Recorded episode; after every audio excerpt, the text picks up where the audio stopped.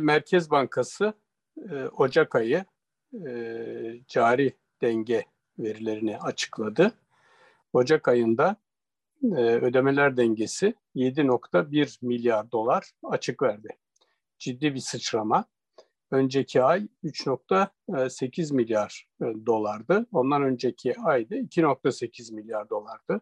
Yani e, hatta e, Ekim ayında 3 milyar dolara yakın cari fazla verilmişti. 3 ay üst üste.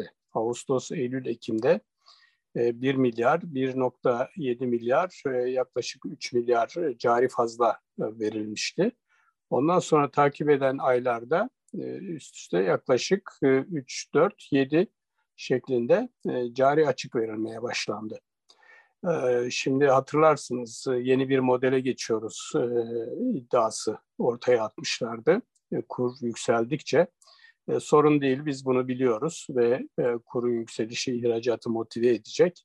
Dolayısıyla cari fazla vermeye başlayan bir ülke haline geleceğiz diyorlardı.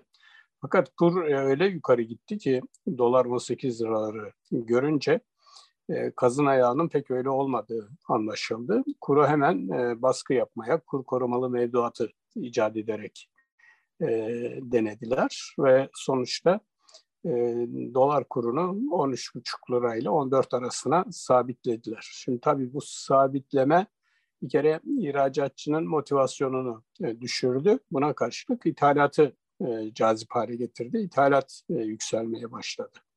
İşte bunun sonucudur ki son 3 ayda 3 e, milyar, 4 milyar, 7 milyar e, şeklinde cari açıklar e, verilmeye başlandı. Şubat ayında da benzer bir cari açığı görürüz. Çünkü Ticaret Bakanlığı'nın ön verilerine göre dış ticaret açığı Şubat ayında yine 8 milyar doları bulmuş halde. Bu da Şubat ayının cari açığının da en az 7-8 e, milyar dolara ulaşacağına dair bize işaretler veriyor. Yeni baştan yani demek ki bu yeni model, Çin modeli hepsi bir hikaye, yalan dolan sonuçta yine cari açık veren bir ülke fotoğrafı ile karşı karşıya geldik. Ayna yalan söylemiyor. E, aynaya bakmamak da bir şey kurtarmıyor. E, Türkiye yeniden cari açık e, problemiyle karşı karşıya geldi. E, Ocak ayında açıklanan veriyle beraber yıllık e, cari açığın 20 milyar dolara çıktığını gördük. Bir önceki ay 14 milyar dolardı. Şimdi 20 milyar dolar açığı olan bir e, ülkeyiz. Önümüzdeki aylarda tabii ki ekonominin seyrine göre ithalatın devam etmesi e, durumunda e, bu biraz da iç talep ve büyüme ile ilgili e, bir büyüme çabaları olduğu takdirde ithalat olacak. İthalat olduğu takdirde cari açık büyümeye devam edecek. Yıllık olarak bakalım neyi görürüz. Kuşkusuz bu açığın finansmanı ayrı bir sorun. Doğrudan yatırım gelmiyor. Sadece gayrimenkul satışlarından döviz giriyor.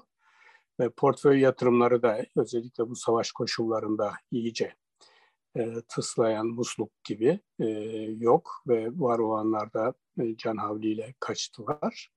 E, geriye e, çok yüksek bedeller ödeyerek e, kredileri döndürme e, ya da işte e, hükümetin e, hatır çeki gibi e, bir şekilde swap e, bulmasıyla e, dönüyor. E, ama rezerv e, bu Ocak ayında 1 milyar dolar azaldı. Dolayısıyla cari açığın finansmanında da ciddi sorunlar olacak. Zaten kısa vadeli borç yükü 12 ayda çevrilmesi gereken dış borç tutarı 170 milyar dolara yaklaşıyor. Bütün bunlar ne demek? Bütün bunlar dövizin üstünde bir basınç baskı demek. Zaten bu e, Rusya'nın Ukrayna e, işgaliyle beraber e, bozulan güven zaten yerinde değildi. Biraz daha bozulan güven dövize tekrar bir yönelişi tetiklemiş görünüyor. 15 liranın kıyısına geldi dolar fiyatı.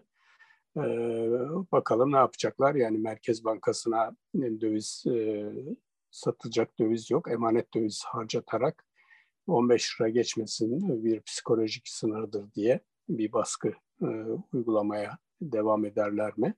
yoksa bu 15 lira bandını yıkıp geçer mi? Bunu hep birlikte göreceğiz ama Türkiye döndü dolaştı. Yine cari açık problemiyle yüz yüze geldi.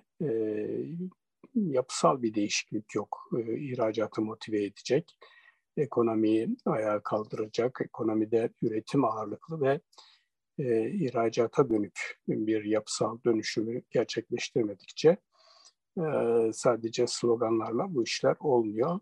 cari açık problemi tekrar bütün katılığıyla karşımızda.